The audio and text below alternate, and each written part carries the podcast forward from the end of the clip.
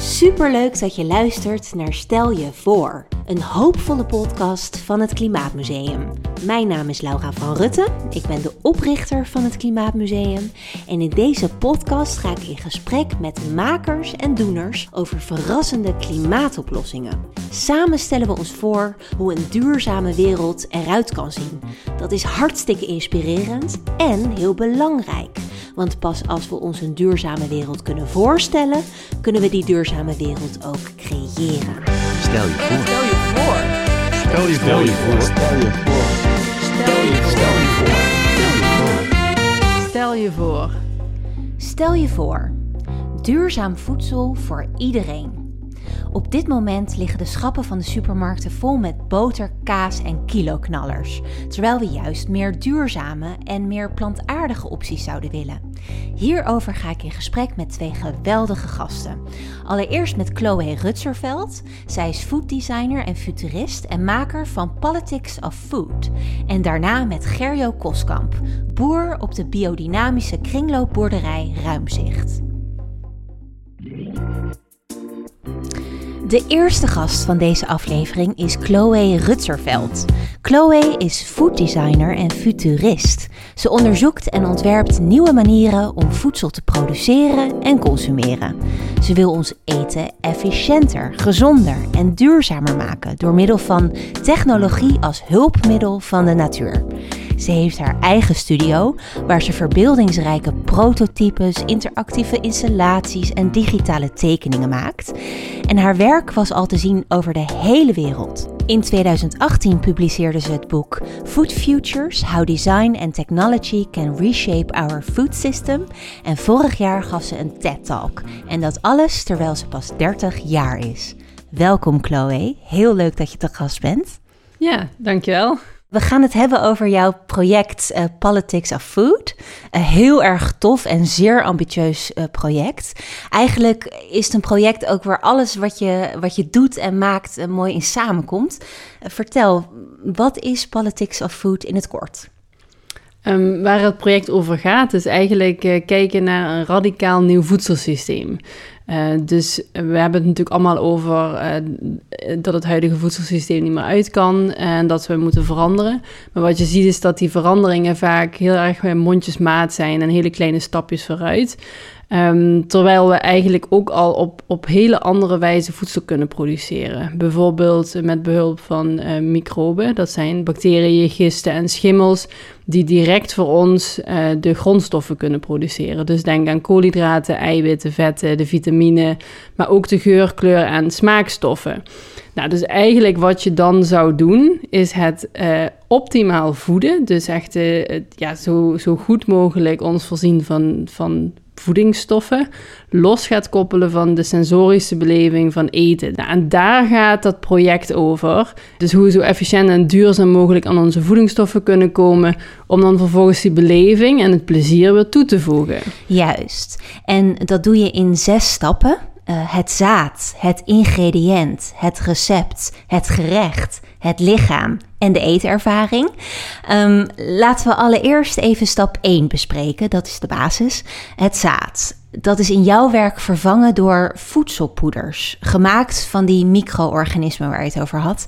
Hoe zit dat? Ja, uh, de stap 1 is dus van um, het, het, zaad wordt dan dus eigenlijk de microben, dus de micro-organismen. Dus je plant geen zaadje meer en dan komt een tomaat uit of een, uh, brei of wat dan ook.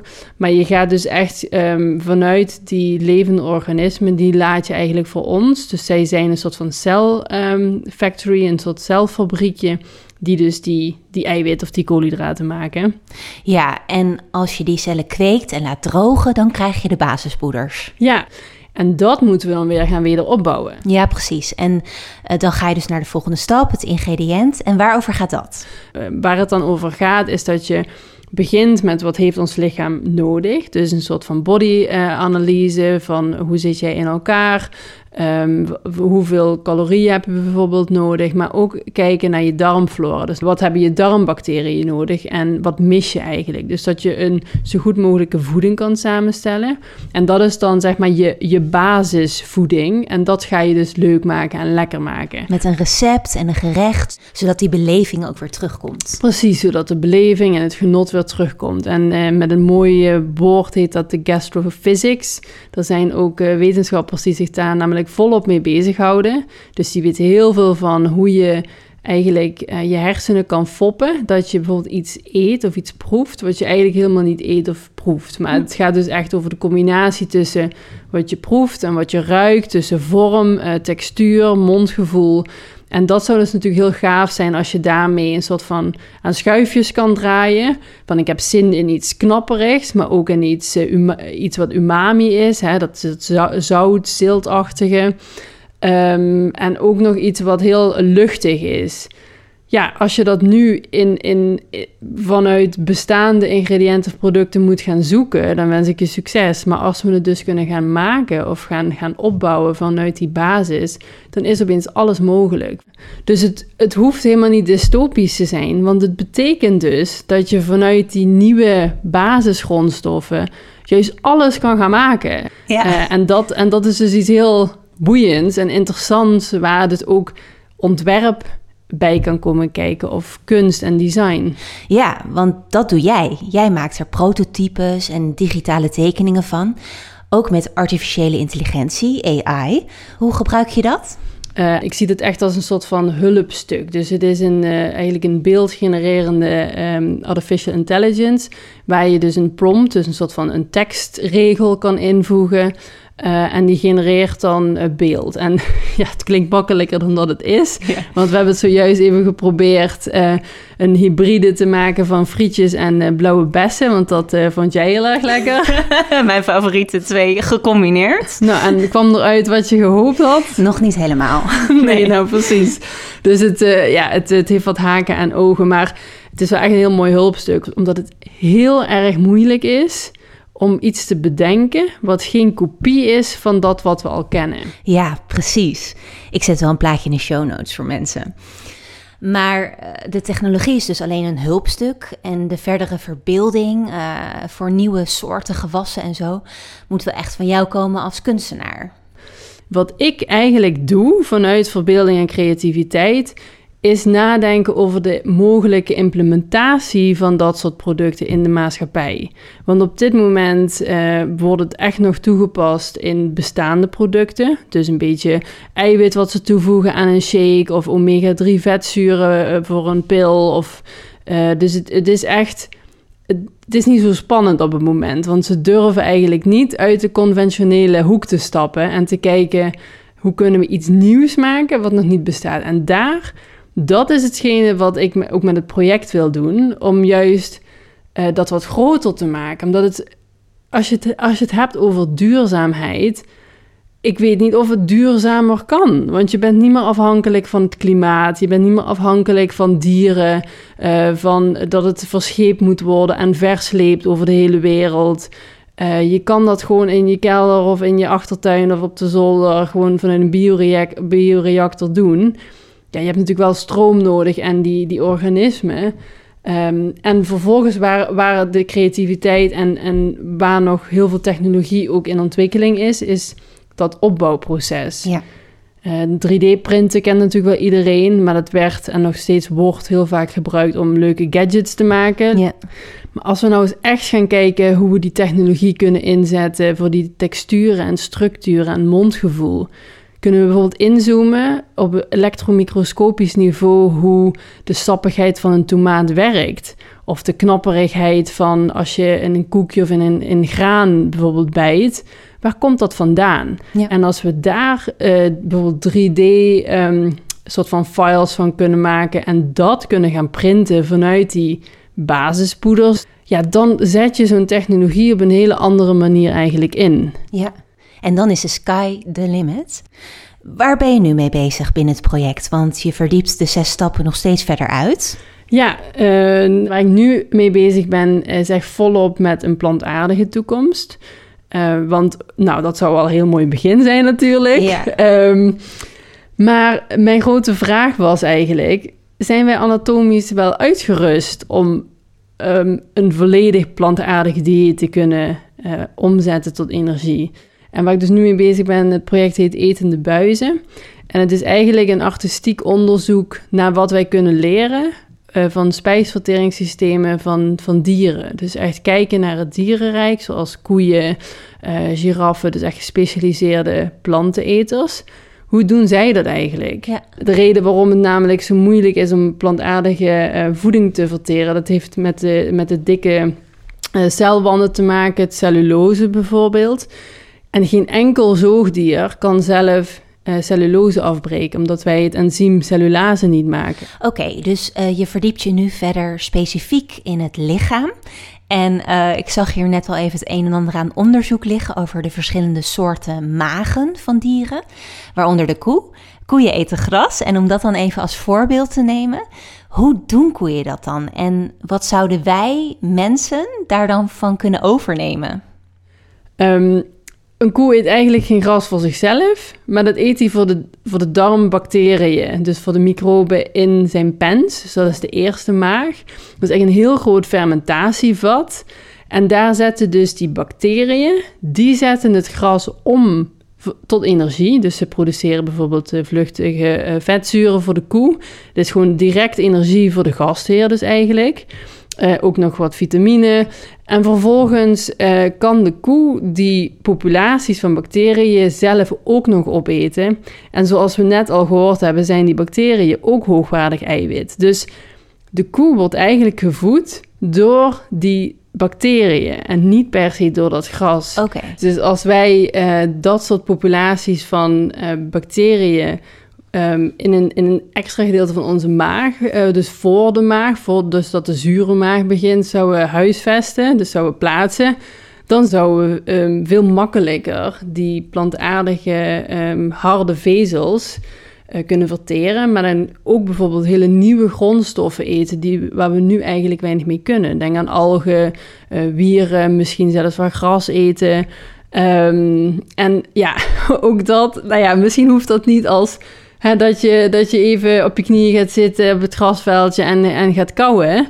Want we willen natuurlijk ook niet herkauwen en dat soort zaken. Eh, maar misschien wel verwerken tot een, een product of iets dergelijks. Maar het is in ieder geval, eh, ik vind het een heel fascinerend eh, onderzoek. En juist ook om, het zet mensen aan het denken. Dus ik zeg niet, laten we gras gaan eten en laten we ons hele lichaam voor, ombouwen. Maar wat ik wel heel interessant vind, is om te kijken, moeten we ehm, de wereld om ons heen en alle dieren blijven aanpassen? Of wordt het dus eens een keer tijd om naar onszelf te kijken op een meer kritische manier? En dat we onszelf gaan aanpassen. ja. Ja, heel interessant. En ik denk dat dat de kern is inderdaad wat jij doet. Mensen aan het denken zetten. En eh, een heel ander, ander alternatief voorstellen eigenlijk. Ja, laatste vraag. Stel je voor, we worden morgenochtend wakker. En het gebruik van micro-organismen en voedselpoeders als voedsel... dat is de normaalste zaak van de wereld. Ehm, hoe zou dat zijn? Eh, ja, hoe zou dat zijn? Ehm, nou ja, om te beginnen, er zullen dan dus eigenlijk geen of heel weinig ehm, gedomesticeerde dieren meer rondlopen. Dus er komt heel erg veel land vrij. Eh, dat kan echt weer wilde natuur worden bijvoorbeeld, of recreatiegebied. Ehm, maar ook gewoon natuurlijk wat betekent het voor het dagelijks leven. Dus gaan we inderdaad anders koken? Ehm, ja, en, en hoe gaan we, dat, eh, gaan we dat eigenlijk inrichten? Ehm, ja, ik vind het heel interessant, want stel je voor, wij zouden dus veel meer pure grondstoffen kunnen verteren, veel makkelijker. Ehm, dan hoef je dus in principe ook niet meer per se alles voor te koken en voor te bereiden en voor te fermenteren. Want nu, kijk, dieren die eten alles vaak rauw ehm, en onbewerkt. Wij zijn natuurlijk zo afhankelijk geworden van het koken en het voorfermenteren en het voorbereiden. eh, dat, dat wij praktisch niks meer hoeven te doen, behalve slikken. Eh, en en Nou ja. kletsen met elkaar. Ja, nou precies. Het is echt moeilijk voor te stellen hoe dat zal zijn. Ja, Het wordt een heel ander soort leven. Want ons leven is heel erg, zit heel erg om dat eten heen de hele Ja. dag. Ja, en dat maakt het ook zo emotioneel voor mensen. Want eh, kijk, als, je, als wij samenkomen, maar niet uit om een verjaardag te vieren of een feestdag, het gaat altijd om eten. Het fascineert me, als, we, als niet alles om eten zou draaien, wat gaan we dan doen? Als in, kunnen we creatief genoeg zijn om iets te bedenken wat iedereen leuk vindt of interessant vindt, wat mensen samenbrengt, maar wat niet gaat over eten. Want dan haal je eigenlijk een hele hoop eh, zwaarte, een hele hoop gewicht weg van dat onderwerp.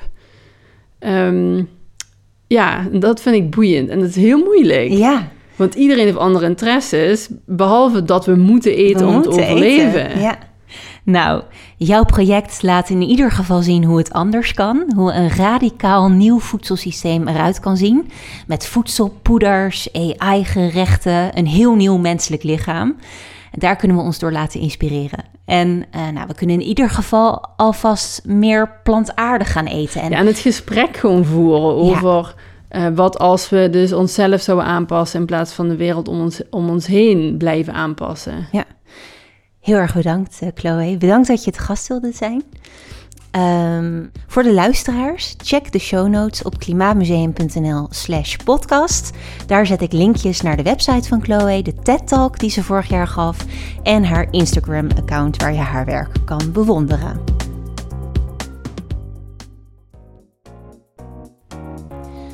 Voordat ik in gesprek ga met de volgende gast, wil ik graag eerst nog even een aantal feitjes met jullie delen.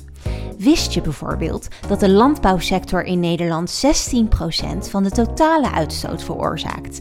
En daarvan komt driekwart door veeteelt en mest. We hebben in ons land namelijk anderhalf miljoen melkkoeien, 11,3 miljoen varkens en 98 miljoen kippen. In ons regeerakkoord staat dat we de uitstoot van broeikasgassen in Nederland in 2030 met 55% moeten hebben verminderd.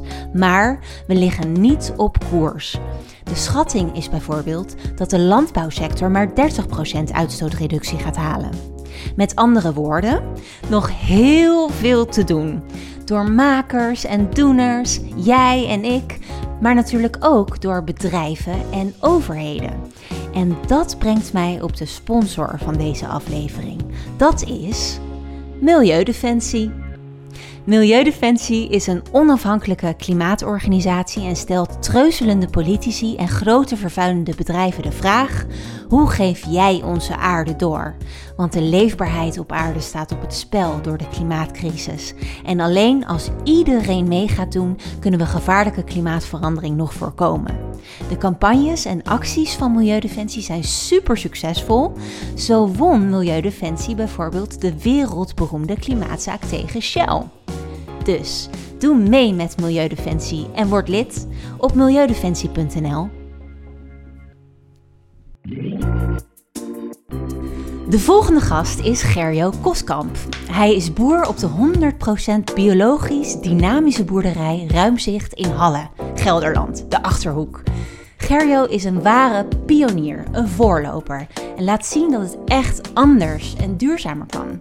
Hij is ook onderdeel van het collectief Caring Farmers, een collectief van boeren en burgers die samen op weg gaan naar een natuurinclusieve kringlooplandbouw. Gerjo is 52 jaar en woont ook op de boerderij met zijn vrouw en dochter. Zijn zoon is inmiddels het huis uit. Ehm, heel leuk dat je het gast wilt zijn. Dankjewel. En bedankt eh, voor de gastvrijheid. We hebben net, eh, eh, je hebt me net een rondleiding gegeven. En er gebeurt hier van alles. Er is een tuinderij, een kaasmakerij. Er lopen allerlei soorten dieren en vee rond. Het is dus een, eh, een gemengd bedrijf, zo, zoals dat heet. Ja. Ehm, en wat maakt deze boerderij nou zo biologisch en dynamisch? Wat betekent dat? Eh, biodynamisch wil zeggen dat je verder gaat dan alleen maar weglaten van chemie. Dus kunstmest en bestrijdingsmiddelen vind je hier sowieso niet. Ehm, we gaan verder dan dat. Dat wil zeggen dat de integriteit van het dier voorop staat ook. Dus maximaal dierenwelzijn streven we na. Betekent ook dat we zo min mogelijk ingrepen doen. Castratie bij biggen doen we niet. Eh, de, de stieren mogen ook echt hun ballen houden. Uh, de koeien houden hun horens, alle dieren en de kippen hebben maximaal vrijheid en ook uh, hun snavels volledig uiteraard. En er moeten hanen bij. Dus het is eigenlijk een natuurinclusieve landbouw die je nastreeft als biodynamisch boer. Ja, en jullie hebben ook het Demeter-keurmerk. Mm uh, wat betekent dat jullie rekening houden met kringlopen.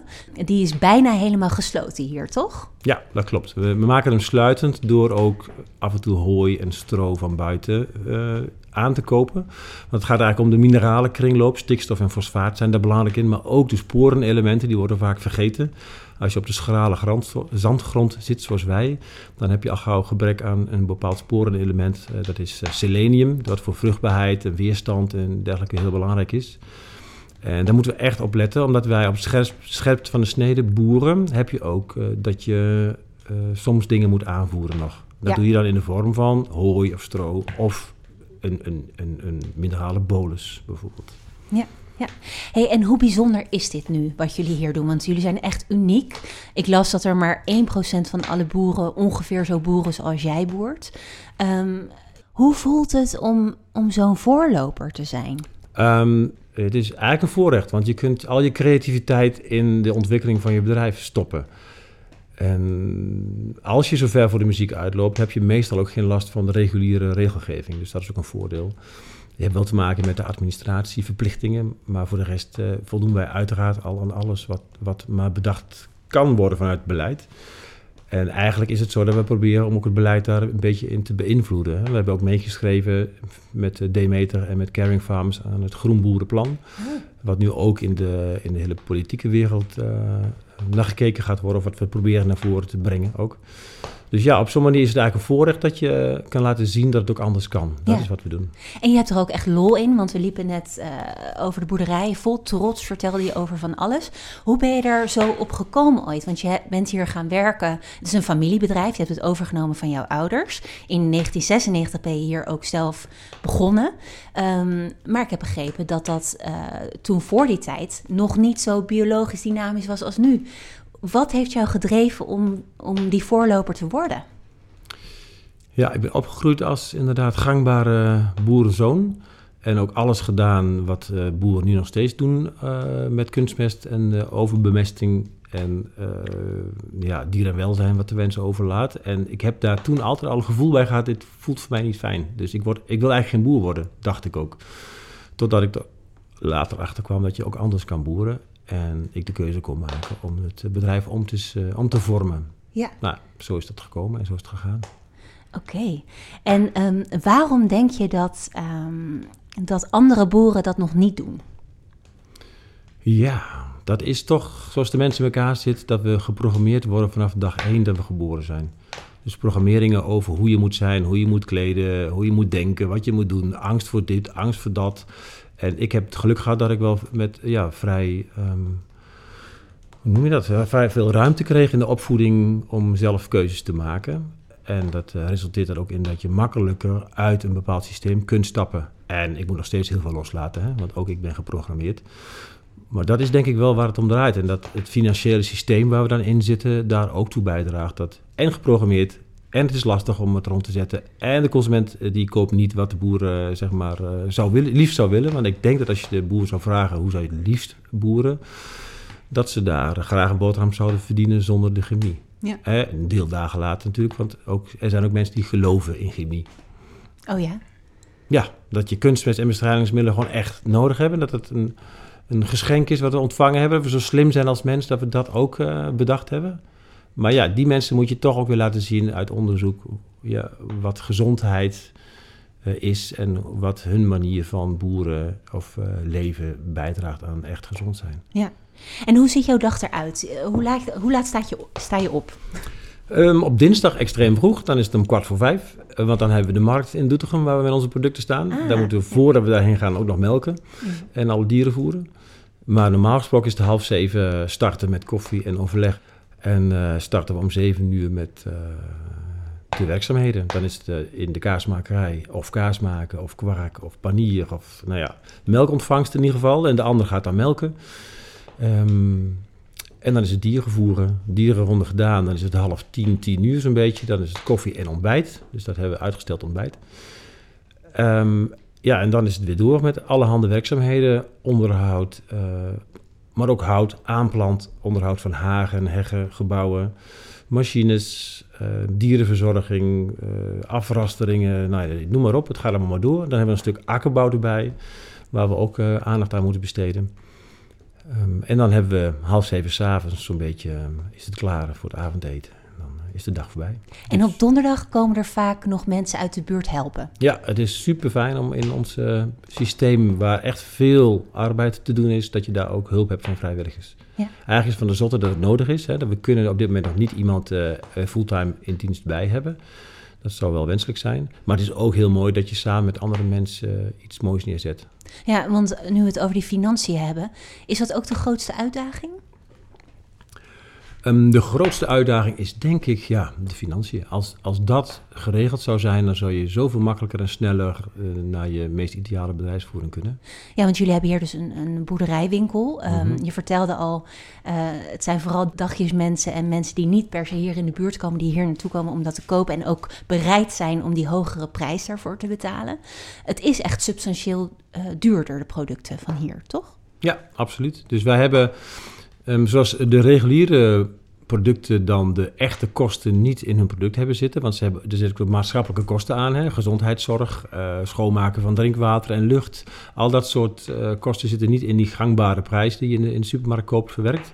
En bij ons is alles wat we doen, zit ook in de prijs. En omdat wij lagere productie per hectare hebben, hogere kwaliteit hebben, moeten wij wel een hogere prijs vragen. Ook. Maar dat is dus de eerlijke prijs. Wat we nu in de supermarkt kopen, dat is allemaal ook ten koste van de boer. Want die krijgen niet een eerlijke prijs. Dat is ten koste van iedereen eigenlijk. Ja. Jouw eigen gezondheid, de gezondheid van de boeren, de werkvreugde van de boeren, de hele maatschappij heeft daar eigenlijk last van. Ja, en dus, het klimaat. En het klimaat. Want laten we het daar even over hebben. Mm -hmm. Hoeveel beter is jouw boerderij voor het klimaat dan gangbare boerderijen?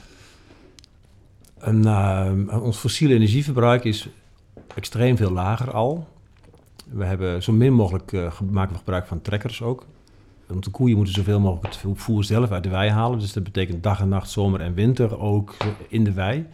In de winter voeren we natuurlijk wel bij, dus je moet wel ook oogsten. Dus die fossiele brandstoffen gebruiken we nog wel. Om daar helemaal van af te gaan, dat is extreem lastig. En je moet ook vooral nadenken over het indirecte energieverbruik. Dus als je kunstmest aanvoert, daar zit ontzettend veel energie in om dat te produceren. Maar een nieuwe trekker ook. Ja. Dus je moet eigenlijk een oude trekker blijven rijden. Wil je de klimaatdoelstellingen die we gesteld hebben in Parijs bijvoorbeeld, wil je die halen? Dat is bijna niet te doen. En dat komt dus door trekkers, door kunstmest die jij niet gebruikt, maar andere mhm. boeren wel.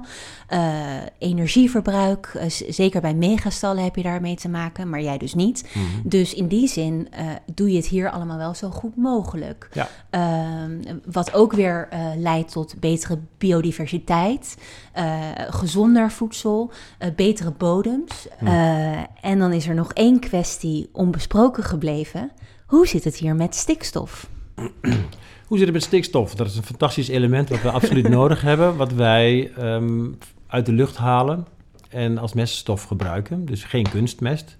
Stikstof, um, wat hier gebonden is door de bacteriën in het gras en de klaver, wordt gebruikt weer door de koeien om daar goede melk en kaas van te maken. In de, in de tuinderij kunnen we dan weer goede mest brengen om mooie groenten te telen.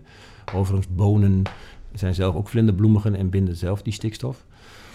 Um, en we hebben een heuvelstal, de stroomest is dat, vaste mest. En dat betekent dat door die koolstofketens van stro dat ammoniak niet kan ontstaan. Daar waar mest en urine van een dier samenkomt, daar krijg je ammoniakemissie. Hè? Stikstof en H3 wat de lucht in gaat. Dat hebben wij hier niet omdat we stro gebruiken. Het is heel simpel. Je hebt dus geen luchtwassers nodig die veel energie verbruiken. Je moet stro hebben. Dus akkerbouwers moet je hebben in Nederland, die uh, ook het stro naar de veehouderij brengen. En in die kringloop op hoger niveau, zeg maar, op, kun, je, kun je dus uh, heel aantal zaken rechtzetten die eigenlijk scheef gaan. Ja, dus bij de gangbare boeren, daar hebben ze veel meer stikstofuitstoot, waardoor we nu ook in die stikstofcrisis zitten. En uh, bij biologisch dynamische boeren heb je veel minder stikstofuitstoot. En dan is dat eigenlijk onderdeel van de kringloop. Ja, ja. precies. Oké, laatste vraag. Um, stel je voor, we worden morgenochtend wakker en elke boer boert biologisch en met gesloten of bijna gesloten kringloop uh, zoals jij doet. Hoe ziet de wereld er dan uit? Ik denk in ieder geval op de eerste plaats dat het een stuk leuker zal zijn. omdat iedereen werkt en meewerkt en geniet van de mooie producten die dan geproduceerd worden. Dat is ehm, eten ook weer echt waardevol is. Dat het een helend product moet zijn, mag zijn voor de mensen op dat moment ook. Een helend product? Ja, we hebben nu natuurlijk ontzettend veel levensmiddelen die we nuttigen waar we eigenlijk ziek van worden. Ja. Door residuen van bestrijdingsmiddelen, medicijnen, noem maar op. Ehm, dus dat hebben we dan niet meer. Dus we hebben ook een veel uh, plezierige leven, dat we minder gezondheidskosten hebben, dus minder zieke mensen hebben. En dat we ook veel mensen hebben die bijdragen in de landbouw. Dus het samenwerken aan producten. Dus Want eigenlijk- dan heb je ook meer boeren nodig om dat allemaal te kunnen doen. Meer boeren, minder vee. Ja, en het is allemaal veel meer regionaal. Je gaat dus wel mondiaal samenwerken, maar dan vanuit de regio's eh, eh, eigenlijk produceren. Ehm, wat hebben we dan nog meer voor moois? Wat denk jij?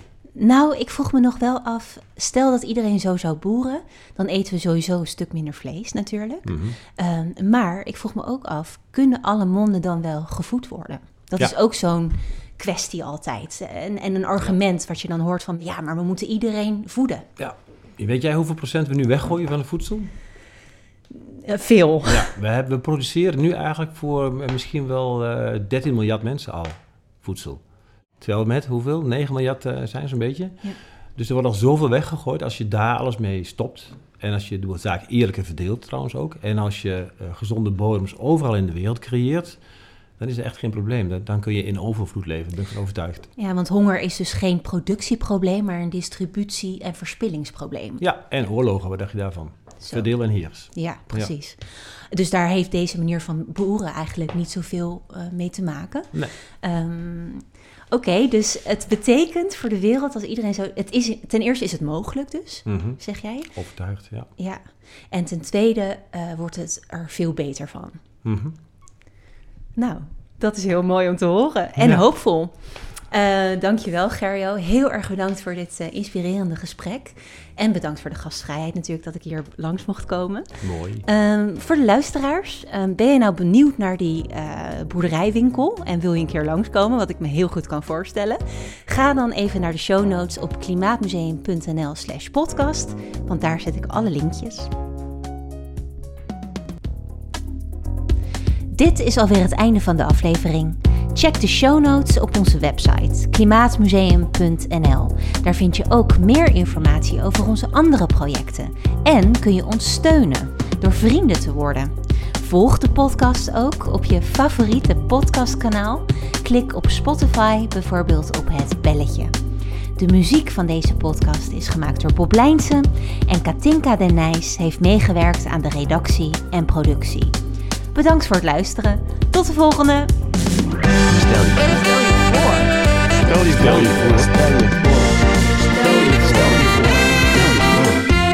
Stel je voor. Voor